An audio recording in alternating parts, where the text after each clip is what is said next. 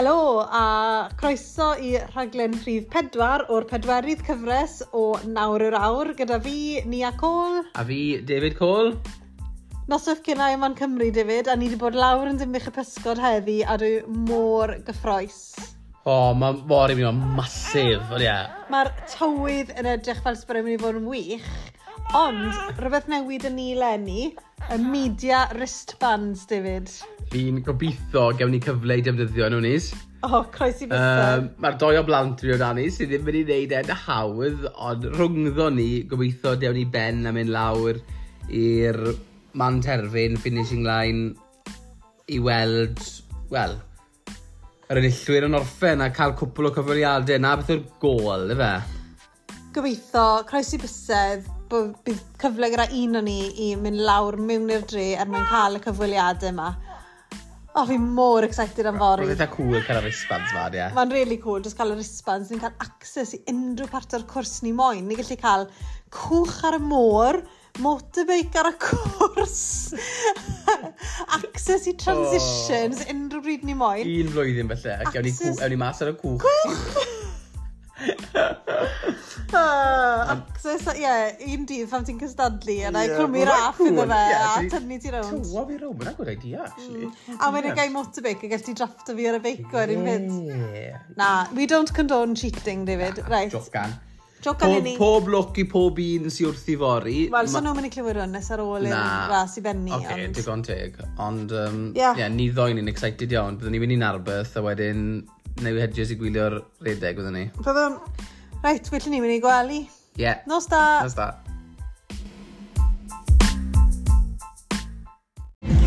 Wel, fi yma ar y llinell derfyn. Mae yna tua cwarter awr o'r ras ar ôl.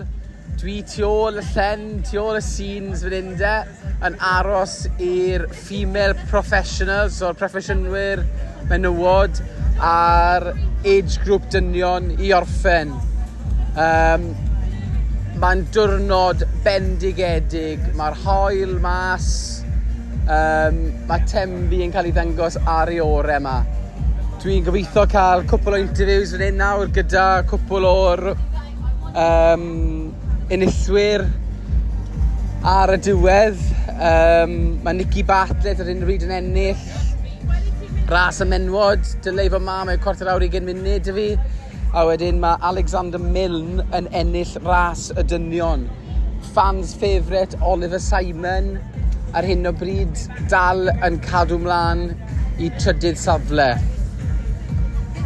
Dyw ni a ddim da fi ma ar um, hyn o bryd. Mae hi yn gofalu ar ôl Harry a Freddy. Um, mae lan ar top New Hedges. Felly biodd fi a ni a heddi, bio ni'n... Bio ni lawr yn tembu trwy dydd ddo gyda'r athletwyr a'n soco lan yr atmosffer i gyd. A wedyn, ar ôl diwrnod ar athletwyr, o, co Johan Murphy fyna, yn, uh, yn siarad, yn bildo pethau lan ar gyfer y diwedd. Mae 9 awr, 19 munud wedi bod ar y cloc, ond on ie, yeah, mae... Buon ni lawr yn, yn tembu dwe, buon ni yn Narberth Um, y bore yma, gwylion ni bron efo pawb yn trwy'r beic ar ei lap cynta nhw, wedi'r awyrgylch yn arbeth yn wych. Um, o, oh, bydd ddim llais dy fi fori, o'n i'n gweiddi a sgrechen a clapo, oedd music yn mynd. Joiodd Harry, joiodd Freddy, oedd Nian fysi ar y camera, wneud fideos o pawb. A bu o'n i'n dreifo ni wedyn ar ôl gwylio pawb yn heibo, lawr i New Hedges, a cerddon ni lawr o New Hedges, cerddes i gyda Harry, ni a gyda Fred i gwylio ni'r athletwyr i gyd eto, a mae di, mae di mynd yn, yn dda iawn, o pob un yn nhw yn mynd yn arbennig o dda. Mae'r tywydd, fe wedi dweud, o, oh, am seiclo, am amserau cyflym iawn ar y beic. Um, oedd y swim yn edrych yn fflat, yn cam, Dwi'n dwi eitha jealous o'r diwrnod nhw wedi mae'r atleti wedi cael. Um, mae fe'n 80 moyn seino lan am, am y blwyddyn nesaf. Mae ma ngwen ni'n o glist i glist fan hyn yn uh, disgwyl i'r i'r athletwyr benni. Dwi'n gwybod beth mae fel i, i croesi'r llinell ar ôl diwrnod caled a bydd eu teuluoedd nhw, bydd eu blant nhw, bydd eu ffrindiau nhw i gyd mae'n siro nhw lawr y carpau coch, a mae lawr y carpau coch yn, yn teimlad arbennig iawn. Felly, ie, yeah, fe wedi ni a ddim da fi fan hyn ar y, ar y finish line. Mae hi'n gofalu rôl y boes.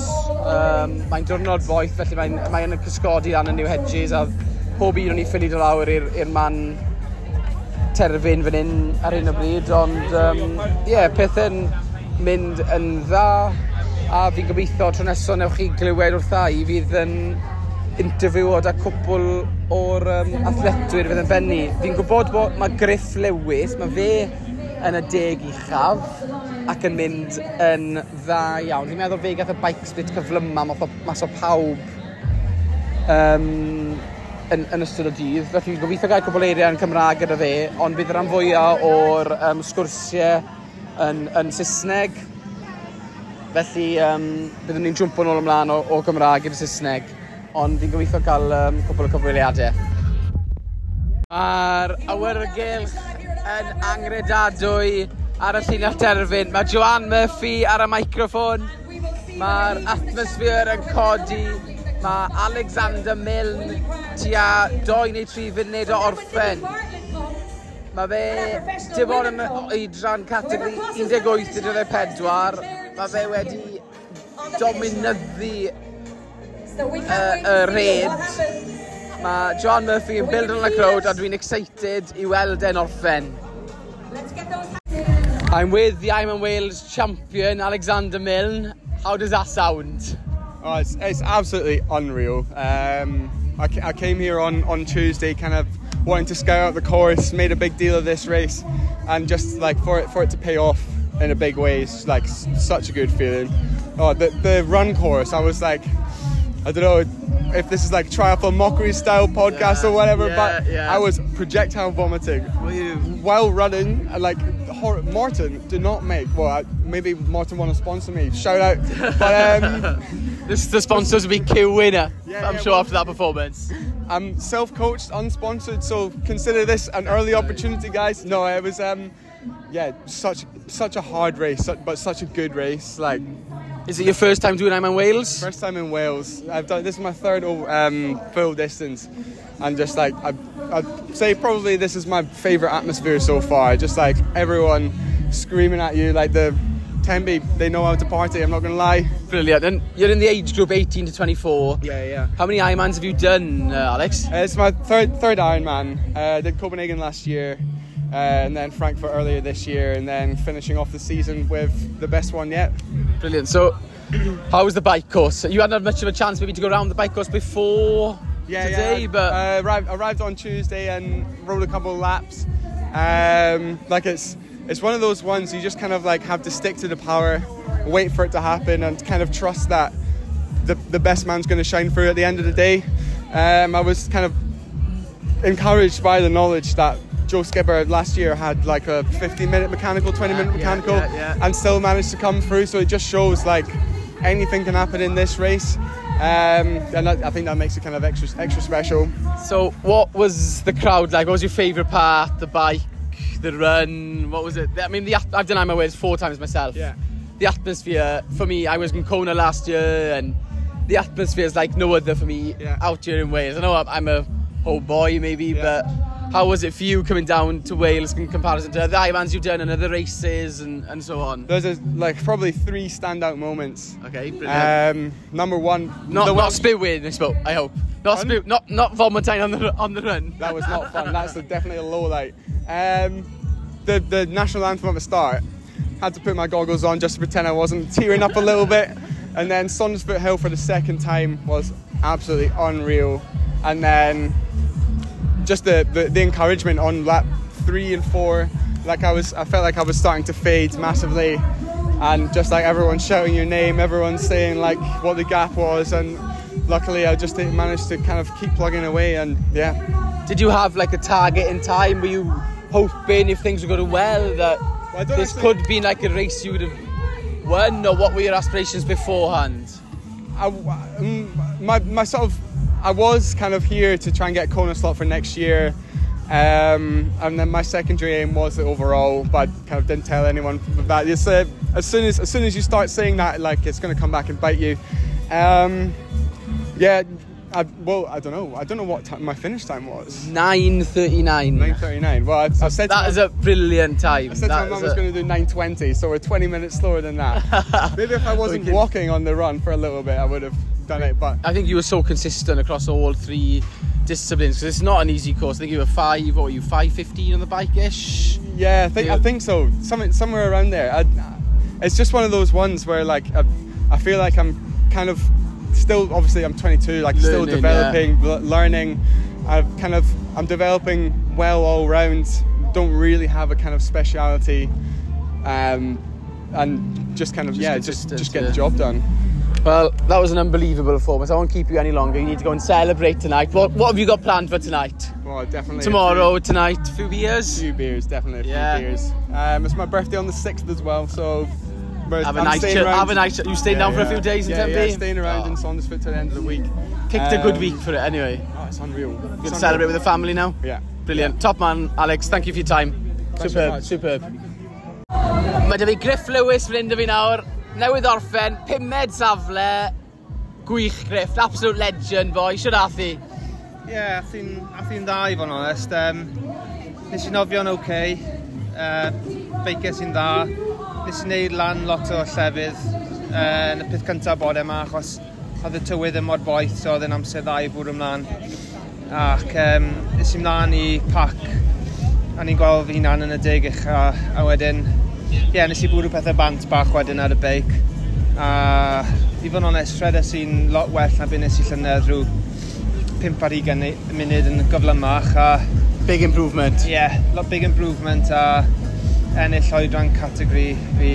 So, ar hyn o bryd fi'n hollol wag a... Fi, fi di dala ti'n right at the moment yeah. Flynn i fi. Yeah. Ti'n syffran. Yeah. Beices ti'n bloody fantastic. 505, fi'n meddwl o oh bike split ti. Fastest bike split of the day. OK. Um, a fe wnes i, y run ti lot mwyll all yna na oedd e. Ie. Yeah. ni beico 505 yn un beth, a wedyn mae rhaid i dilyn y lan os yda solid run ar ôl ni. Ie, yeah, ie, yeah, diolch. Uh, Ie, yeah, nes i dal split weddol cyson ar y, um, ar y run. Pob un lap o'n i rhyw, lap cyntaf fi'n 48 munud, a wedyn fi'n cael un ar, ar afach fi o'n ta 55. Ond um, mi ddeithen ar y bach, tywod, mae fi dal i just bwyd ymlaen ar y rhedeg, ond uh, heddi oedd yn diwrnod, tywod, dim diwrnod ble ti'n meddwl, dy nôl, mi'n siŵr nai, ond um, tywod, mae yn man, tywod, pan ti, fel ti'n gwybod, pan ti allan a ti'n meddwl ydy na'n pam na i ddim wneud fwy o 70.3s achos mae hwn yn horrible. It's different gravy na di. e. Neud 70.3s yn un beth, ond mae dy mas yn neud ai yma na. Gwyrus di, mae'r beic yn anodd, ond dim just na, mae rhaid ti'n mynd nôl mas. Os ti'n cwmpo i bysiynau yn y marathon fel, ti'n gwybod ti'n digwydd, ti'n pwynt beico mor grif, ti'n bod a ti wedi rhoi full consistent performance da'n gili. Yeah. Dwi'n meddwl ti'n bod yn prawd. Amser 10 Owen. Ti'n hapus dyna? Ie, Yeah, ie. yeah. Wow, fi'n wir hapus dyna, ie. yeah. It is what it is, ti'n modd, achos that was my time on the day a nes i gorau glas fi. Felly um, fi'n hynod o hapus, 42 munud ffwrdd o blwyddyn diwetha. Oedd y prep ddim yn gwyd? Yeah, yeah, not too bad. Fi'n cael ei dylennu dyn fwy o foliwm yn gynharach, ond mae bywyd yn oes efo plant a gwaith. Gweith o fi, boy. Um, Don't tell me, tell me about it. Achos, ie, yeah, foliwm sy'n dal ti um, O na, nes i good training camp. Gys ti good insight mewn dy bod master Joe Skipper yn gweld siwr oedd e'n ymarfer a pa mor galed oedd e'n pwysio hynna'n siwr oed? Do, wir. Um, Mae'r boys na, to fi gallu beicio dan nhw, ond mae popeth arall, um, maen nhw lefel uwch ben.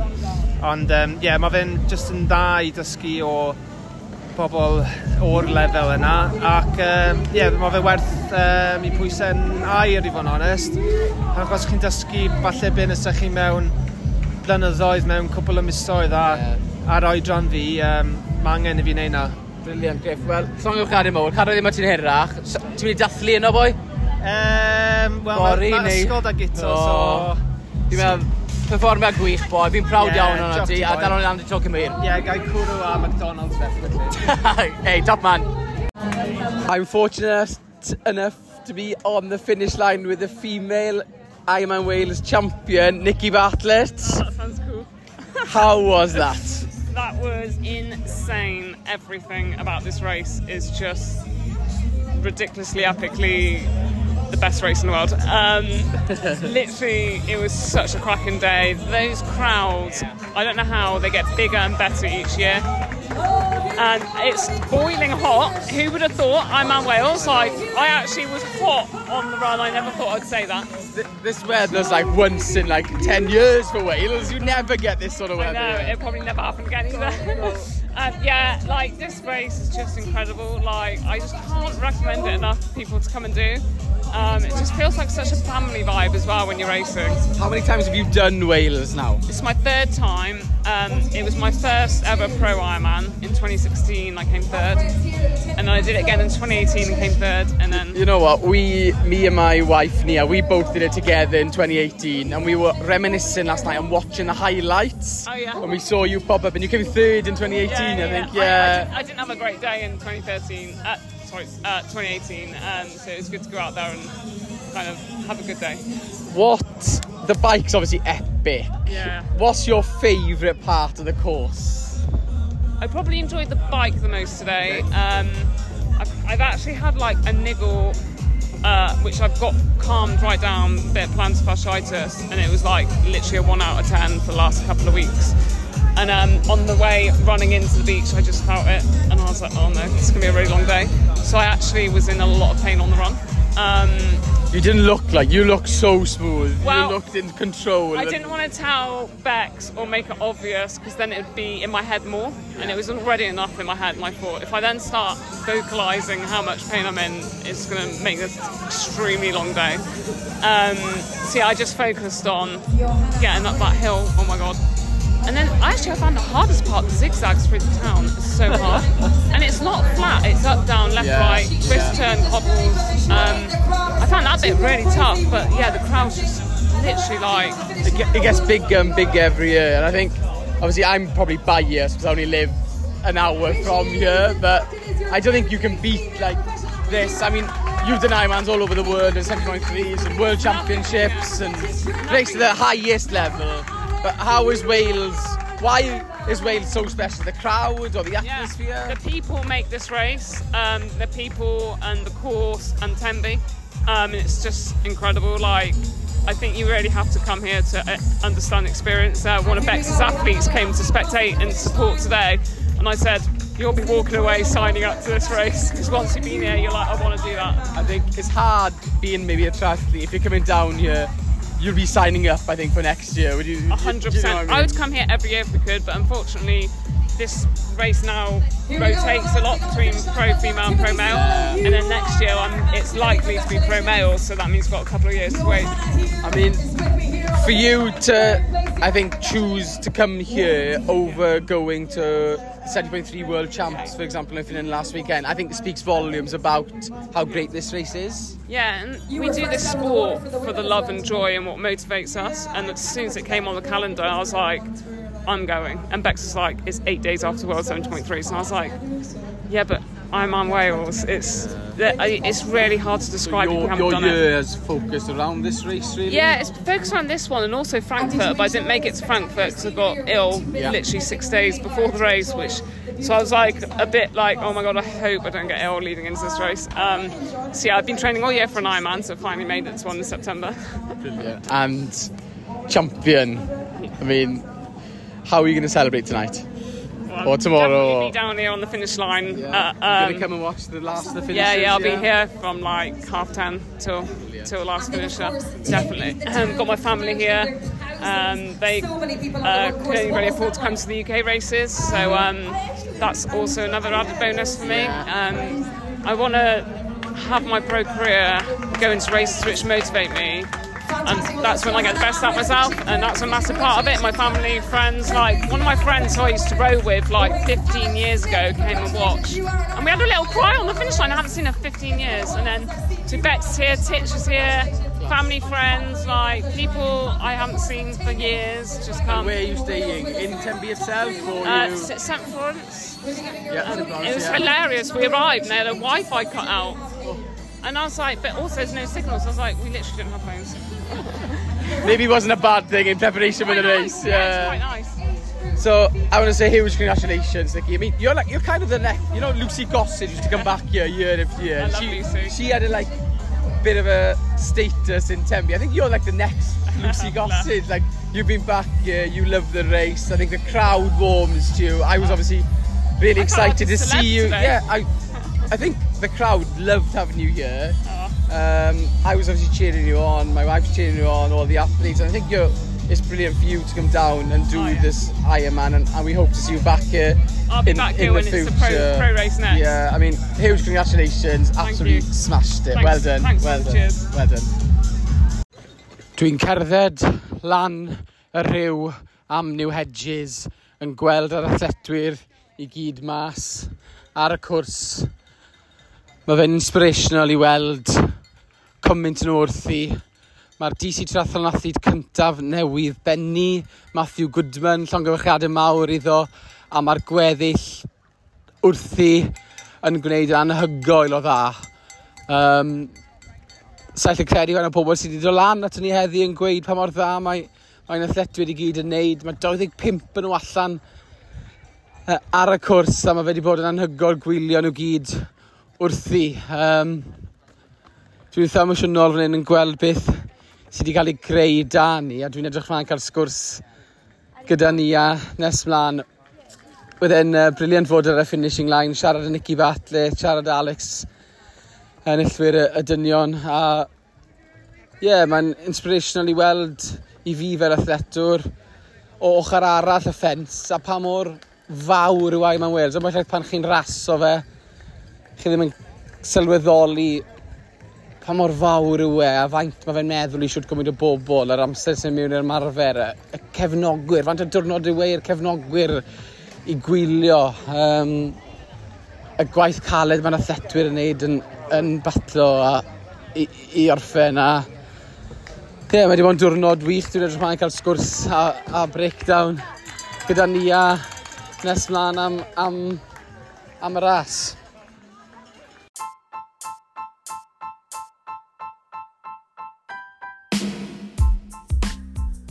Fel y diwrnod ar ôl y ras nis, amser i adlewyrchu ar uh, diwrnod ffantastig gythodd, gythodd ni ddo. Oedd hen diwrnod arbennig yn oedd e. Fi definitely gyda post-race blues heddi, a wni ddim hyd yn oed yn neud e. Fi'n teimlo bron o fod fel fi wedi wneud e. Nawr ti'n gwybod beth mae fe fel i spectator, David. A wni ddim hyd yn oed na, trwy'r dydd na, dim just bod ar yn dradu, ond fel yr highs a lows. Fel... Build up, ti, a'r taper, ti'n e, teimlo fel bod ti'n neud y dar lletwyr. Wel, a o'n i'n nerfus i lot yeah. ohonyn nhw, ti'n modd? A traco, a wneud siŵr bod nhw gyd... O'n i'n rili falch i weld nhw gyd nôl mewn off y beic.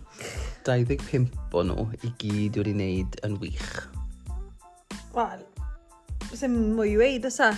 Maen nhw gyd wedi cael dyrnod ffantastig yn, yn ffordd i hunain, dy fe? Odyn, odyn, twyd, a popeth yn briliant oedd e. Lle ti ddim wedi cael diwrnod well i, beth yw'n gweud, show one off. Ie. Yeah. Tembi, oedd e ar ei orau ddo na oedd e. Oedd e'r, wel, wedes di yn, uh, fi wedi wedi gryndo nôl ar beth recordes di. a oedd yr hael yn disgleirio, A oedd hwnna wedi denu, crowd, anferthol. Nid yn unig i dim bych y pysgod, ond i pob man ar y cwrs. Oedd na beth, o'n i'n teimlo fel bod fi yn rhyw festival neu rhywbeth oedd y cerddoriaeth fel really cheesy, fel caneuon sydd yn hala ti'n hapus a hala ti moyn dansio. A wedyn, oedd yr y seiclwyr yn dod trwy na beth, a o'n nhw'n ffili helpu ond fel danso, fel gwybod mynd i gallu danso ar y beic a fel codi breichau mewn amser gyda'r cerddoriaeth. O, o ti ffili mynd trwy na beth ddim yn gwenu. Oedd e fel, hmm. part, oedd parti yma na, basically. Oedd e Am naw o gloch yn bore. Ie, yeah, oedd e'n wir parti. A siarad i beth i parti am naw o gloch y bore. Shout out i rai o athlet Wel, ie, yeah, maen nhw'n athletwyr i ni, ond nhw ddim yn cystadlu dwe, ond nhw'n gwylio dwe. A am hanner awr wedi deg glwch y bore, o'n nhw yn Saunders Foot yn ifed champagne a bwyta oysters. Nawr, na beth yw spectating in style, David? Very much so. A na beth nes di, oedd ges ti, hales ti'r llun, ges ti trwyddo ar WhatsApp, hales ti ymlaen i mam. Do. A wedys ti, hey, see, you'd have a lot of time for this. A, tymod, pigo lan tips wrth y pros ma a'r siwt i spectato yn barod am wythnos nesaf, David. Dwi'n gallu gweld ti nawr, ti a'n fam, dad fyna ar y ffôn yn traco nôl amlaen. Yn Nefus Rec. Yn Nefus Rec. A ti a HC fyna ar y champagne ar oysters. Falle unwaith bod ti ar y ryn, achos sa'n mo ffaint bod allu ymlacio tra bod ti ar y beic, ond wedyn mae fe'n amser hir ti'n mynd i fod ar y beic am, achos mi ffili mynd i weld ti yn unman, really, ni. Na, ond falle, na, beth bydd eisiau oedd cwpl o drinks i mwyn i chi cael relax. Yeah. Uh, ond... Uh, Mimosa fach, falle. Ti'n plano'r bwyd ar uh, gwyn yn barod. Yep. Ond... Uh, When in Rome? Ie, yeah, na, oedd e'n diwrnod... I fi, wedyn, wyn ni wedi really mwynhau mynd ochr arall y ffens. Fy nyrcha, dwi'n cystadlu. Dwi'n neud ai ma'n Cymru pedwar o weithiau. A dwi ddim yn cael cyfle yn aml i gallu mynd ochr arall y ffens a gweld siwt mae'r cefnogwyr yn teimlo a cael real, real appreciation o'r ras. Oh. A i fi'n meddwl nôl heddi, meddwl pa mor special yw A pa mor ffodus yw e i ni cael ai yma'n fel mor agos i gytre. A ti'n ma'n beth, David? Bob tro... Wel, fi'n gwybod nath ni gwylio yn gilydd 2019, ond oedd grŵp o ni yn, yn gwylio pryd ni, a gath ni tywi OK, yn dyfa. Ond bob tro fi'n gwylio dy ti, bob tro dwi ti ddim yn cymeru dran, mae'r hael yn disgleirio. Lenny a 2016 yw'r ddoi waith ti a fi, jyst y ddoi o ni wedi bod yn, wel, a Harry a Freddy, ond maen nhw ddim i gael per ni, wedi bod yn gwylio gyda'n gilydd, a'r doi pryd ni, a'r blynydde ti wedi penderfynu ddim yn neud y ras, mae wedi bod yn berffeth. Wedd yr amserau ar y beic ddonis. Ond yn... dychrynllid.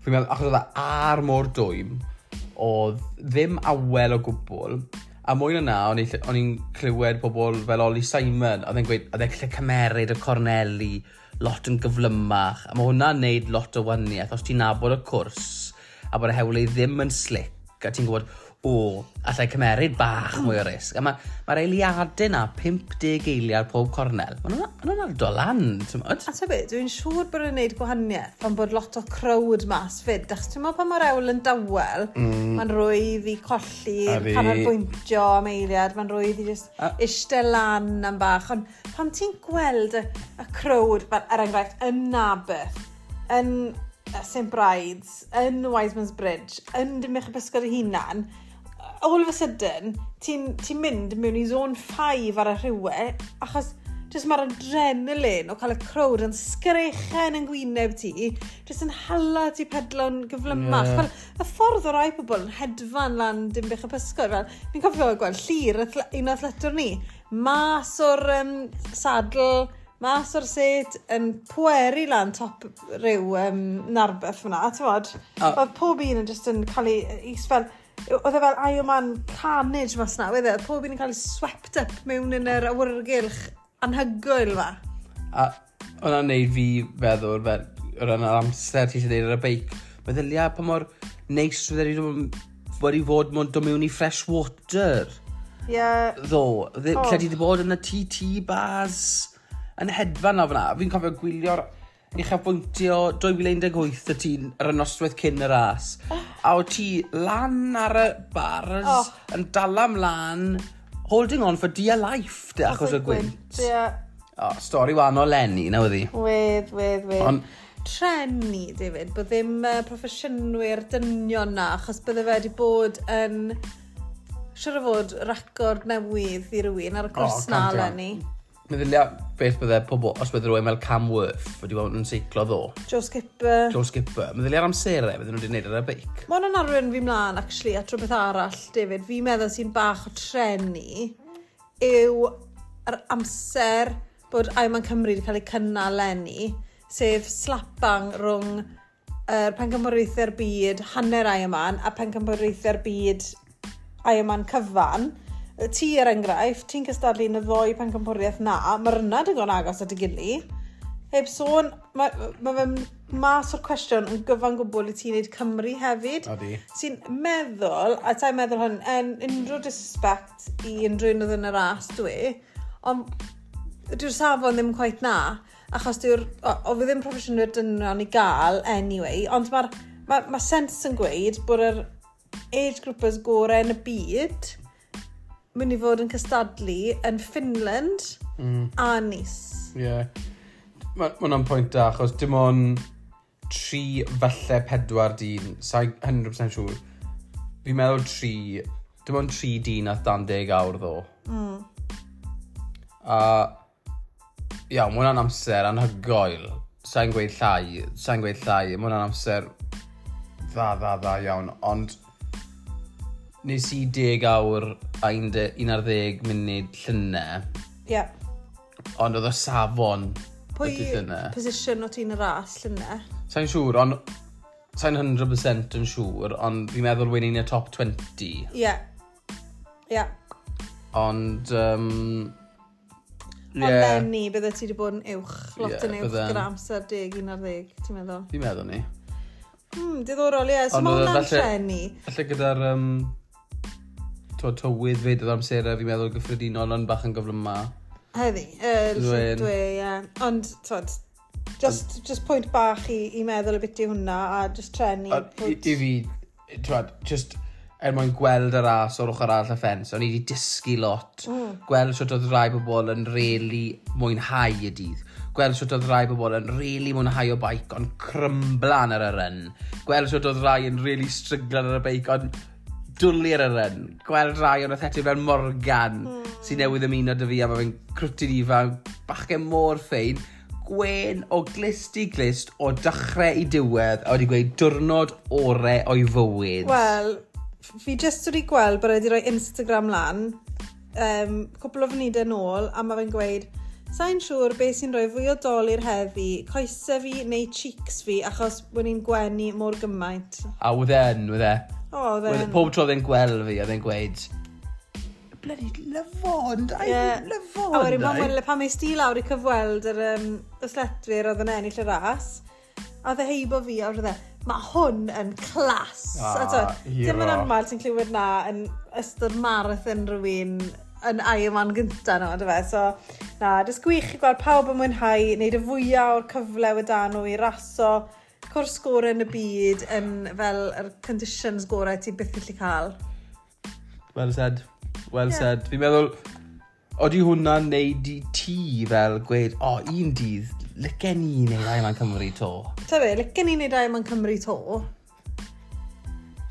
Wel, unrhyw ai yma'n, really. Achos fi'n teimlo fel, mae unfinished business da fi da ai yma'n. Mm. Achos, yr un gyntaf nes i Cymru, nes i ddim... Nes i joio fe, nes i gwenu o glis i glis o dechrau mm. diwedd, ond nes i ddim executo marathon yn hunan. Mm. Nes i ymuno gyda ffrind a nath ni gweithio gyda'n yeah. gili, oedd hi'n aros i fi, wyn i'n aros i hi. Mm. Ond mae wastad fel what, what if gyda mm. fi. Ond o, hefyd, o'n i mor nofus pen ni. O'n i ddim yn gwybod beth i fueling, electrolytes, hydration. O'n i'n... Kit. Kit. Tyd, Tawr, popeth yn basic par- ni. Drach pan par sport wedi newid ers 2018 i, i nawr. Wen i yn neud zone 2 training ar y ryn, ond fi'n cofio pyrni, oedd pob un... Oedd pob un yn gofyn i fi fel, pam ti'n pam ti'n ei dda? Pam ti'n edrych hmm. mor slow? Ond oedd yn peth newydd pyrni, yn oedd e? A wedyn, yn Iwerddon, ail ai y man fi, eto, ath marathon fi all to pot, achos um, stopes i, mynd i'r tu bach, a oedd e tywi mor wael, achos bod fy corff wedi stopo, Caesar si lan, o'n i'n ffili mynd to. A, a wyt ti mor fach, Brynny, be? O ti'n ti mor fach, achos o ti ddim arfer mor galed. O'n i'n really lean, o ddim oh. um, ffat arna i, cadw fi dwy. Achos o ddim bwrodd hwnna ti mm. fyd. So, ond dim, byddwn ni ddim yn gweud yn yr um, blynyddoedd nesaf bod fi'n mynd i wneud ai yma. Ti'n ifanc ddo, i ti? Ti'n, ti'n 33 nawr pwy awyr gweld ti nôl mewn 3 neu 4 flwyddyn yn neud cwpl o Ironmans neu rhywbeth. A ti dal yn... Mae'r categori 35-39, felly'n categori fydde gallu, gallu ti really targedu yn flynydde i ddod. Yn enwedig nawr bod yr un faint o safleoedd yn pengamboreithio'r byd i merched a beth sydd ddynion. So, fel arfer, mae fel yn gweithio nawr 35 to 39 age category. Na, sorry, dim 30 to 34 age category, sef age category fi fel arfer bydde ti a chwech i wyth safle i dynion, mm. a bydde un i menyw. Ie, yeah, fel arall o'n dweud. Ond, wel, maen nhw'n, basically, achos mae'r uh, pengymreithau'r byd nawr, mynd i cael dydd ar wahân i'r menwod, mae'r un faint o slot i gael i menwod. Os. So heddi, oedd wyth slot yn yr age group na. Ta beth? Be? Lyfen i fel trip nôl i Cona, ond fi'n cefnogi ti. O, oh, sa'n mo beth i Cona? Nis ti fe'n tio. Ie, yeah, un mwy lleol. Y cwrt y zŵr. Ond, na, mae fe'n... Fi'n definitely meddwl... On... Bydd fe'n rwyddach cael de i Cona. Ie. Yeah. Fi definitely meddwl o fi'n edrych ar o ti'n gweddol, o, os bydde ti'n neud ai yma'n arall, fi lle gweld pwy'n fydde ti'n neud. O'n i wedi cael y conversation yma o blaen, a ti wastad yn gweud o blaen, o, Really licen i neud un falle fast. Sa'i byth ti'n neud un? Fast. Ond mae falle bod, bydde Cymru yn denu ti nôl i tre'n meiddi dy amser di'n Cymru. A gweud, drach, hwn o beth nes i tro gyntaf, fi wedi cael doi o blant. Mm. Mae Cymru yn un anhygoel i fi dod nôl i treial wneud eto a gweud, a llai meiddi'n amser yn Cymru a wneud 13 mm. awr neu rhywbeth fel la. Mae'n mynd i fod yn sawl blwyddyn cyn ti'n gweld fi yn ôl yn Cymru, achos am y reswm na, os fi'n neud e, byddai moyn neud ei i meiddi amser fi, byddai ddim jyst moyn neud e am sport. A wedyn mae'r tywydd yn ffactor arall. Fel blwyddyn nesa, ti'n a ti'n lle gweld pobl yn gweud, o fi am mynd ôl, mae'n bitio'n amser i blwyddyn nesa, achos e'n cweit yn hapus a sio dath e. Ti'n meddwl, o, oh, 22nd o September blwyddyn nesa. Ti'n meddwl, good chance byddwn ni'n am, byddwn ni'n cael cote a am warmers a... Wel, mae saith mlynedd i bod ers ni'n cael diwrnod fel, he, fel dwi'n. Uh. A'r ffaith fel wedys di, bod e ar diwedd mis Medi blwyddyn nesaf, dim ar dechrau mis Medi. Bydd ni'n dywyll. Bydd hi'n dywyll rfedda. Bydd nhw ddim dechrau am saith. Na, bydd rhaid nhw newid yr amser. Bydden nhw'n goffod, bydden nhw'n goffod, bydden nhw'n ffridi dechrau san ar saith. So, i gofyn i'r un cwestiwn i ti, dy David, a wedd gwylio Ai Yman Cymru dwi, wrth i hala ti mwyn neud Ai Yman Cymru eto? Pan o'n i na wedd, ond neud eddo, os mae'n neud sens. Ia, ar un beth dy fi. Dwi'n, fel, os byddwn nhw'n wedi gofyn i, ti'n mwyn neud Ai Yman Cymru, yn gweud, o, oh, bydden ni'n dwlu'n neud Ai Yman Cymru heddi. Mm -hmm. Fe fel, berffaith i fi bod na heddi y diwrnod fel falle, dyw'r mae'r pros ddim ma, mae doi champs naill ochr, falle, oedd y tywydd yn siwto fi, os dwi'n dwlu ar tywydd dwy, fi'n gael, o, oh, Lenny fydde fod wedi bod y flwyddyn, falle, i fi rhoi shot o un o dan 10 awr. Na'r peth, mae'n mynd i fod yn anodd dros ben i ti i cael PB, achos mae PB ti mor dda, anyway. So os gei di mm. drwnod fel 2017, ti beth i fod yn meddwl fel, lle fydd y tywyn awful, mm. ti beth i fod yn meddwl fel, wel, mm, mae'n mynd yn anodd i fi wneud hwn heddi. Achos mae gwmynt o small margins yn gallu effeithio ras. Bydde fe'n anodd i fi mynd nôl i cael PB, achos na ddo hefyd wneud fi sylwi fel ymbellwaith o ti'n rhoi cymaint o credit pan ti'n ras o ras o ras trwmser neu marfer marfer mm. marfer trwmser. Ti'n meddwl, o, ti jyst yn... Mae'n dod yn rŵtîn, ond edrych mewn, o'n i'n meddwl, o, to, actually, da, nes ti eitha dall yna, fel... Ie, yeah, nes ti fel...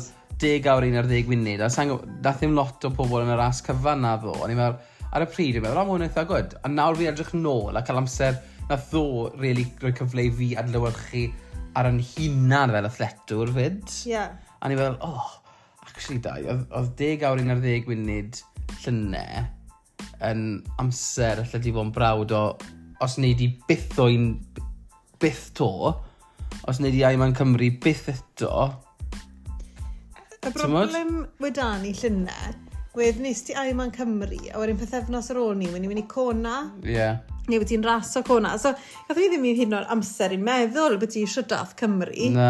Ond mi eisiau edrych ar y canlyniadau o dwe.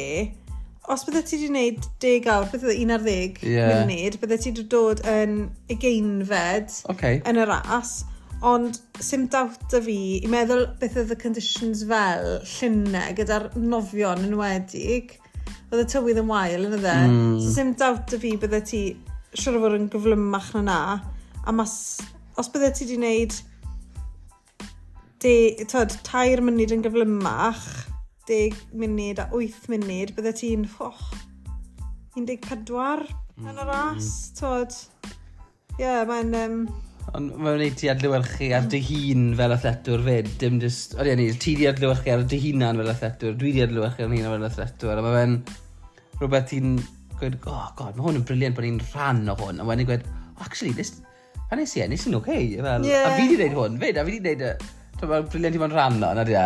Un peth mae'n rhaid ni cofio, dda, David. Fi'n credu, er bod yr conditions wedi bod yn wych, um, dwi, mm bydde hyfforddi am... Falle bydde ti ddim wedi cael PB, achos mae, mae doi blant y ti a mae un o'n nhw'n saith wythnos oed. Ie. Yeah. Yeah. So, falle nawr o ddim yr awr. Fydde fel awr wedi bod. Achos, Digon ti. Fel ea gyda nis, ti'n lli mynd i joio fe, achos pan gymrwythio'r byd yw e, sy'n PB y ti, ti jyst gallu mynd a joio fe, so sy'n mynd pwysau dy ti. Os bydde ti wedi fod yn treol ymarfer am Cymru, bydde ti wedi moyn ymarfer mwy a mwy a mwy. O, bydde ni ddim... A bydde ti mwy siomedig, os bydde ti ddim wedi cael y dyrnod ti moyn, lle yeah. mae'n nis, mae fe'n fwy o fel fel wedys di o blaen, mae fel mynd i wneud ai am y tro cyntaf, ie. Yeah, achos... fel celebration ydi o'n, yn wneud ai man World Champs. O'r blwyddyn ni wedi cael. Ti wedi bod yn eitha well, ydi e. Odi. Ti'n nacyd cyn i fynd mynd i nis. Nes i'n gael two-week holiday. Fi'n knackered. Chwech diwrnod mas o'r I'm World Champs a dwi'n absolutely on my last legs. Ond os byddai ti'n aslu ti fi nawr, byddwn ni'n gweud fla ti fod teimlo. Achos o, wych dyn nhw gynni. Mae'r tip, fydd y tip yn gweithio, trust the process, erbyn ti ddiau, bydd ti'n teimlo'n gret. Yeah. Ti'n gwybod byddai ti'n gweud un peth i'r llyfr ti? Yeah. Um, Cei, siarad beth ti'n eista? Coni off i nis. Cyfres newydd. Mae'n rhaid i bac, benni bacos o'r oh. ffordd, oes e? Byddwn ni'n gadael yn gynnar bod wedi mercher, gynnar iawn. Ie, yeah, byddwn. Ond na byddwn ni'n just gweud, cyfres newydd, cwni off i nis, dachrau dydd, mercher, felly cadw'r llygar fas am hwnna. A gobeithio byddwn ni'n bach llai dacyd erbyn uh, diwercher. Ond llongrwchiadau mawr, enfawr i pob un nath cystadlu yn Aiaman Cymru dwe. Yeah, fi mod bydde fe ddim wedi bod yn rwydd i redeg yn y gres na, er ni'n gweud bod y conditions yn good, bydde fe wedi bod yn dynod caled, mae Aiaman wastad yn galed, so ots beth mae'r conditions fel, a ti'n iawn yn y gres David, ond fi'n gwybod bydde ni wedi ffeindio fe'n oh. really, really anodd i redeg yn y gres na, fi'n wist y bwyd ar ôl bod mas cerdded y cu heddi. Parch, so... parch mawr, mawr am y flwyddyn o ymarfer, achos yr ymarfer sy'n galed, er mwyn i chi gallu gwneud diwrnod fel ddo a ymwellach chi'n ngofio trwy gwylio ddo. Gwyd, o, mae'n edrych yn rwydd, ond y 9 mis, y, dwa, mm. y, y, y 12 mis o ymarfer caled yn pob tywydd, sacrifice o pob pen wythnos, na beth sy'n neud e mor special Wel, yr haf ni wedi cael, er, mae athletur ni wedi bod yn ymarfer yn y gwynt a'r glaw Cachu. trwy'r haf, felly o'n nhw'n heiddi cael y diwrnod gath nhw dweud. Wen, wen. Felly... Reit, oh, na digon o... Uh... Digon... Parabli. Lan, a bwco a yma'n wez am mwyn ysadau. Na, ddim i fi. na, reit. Nos da. Nos da.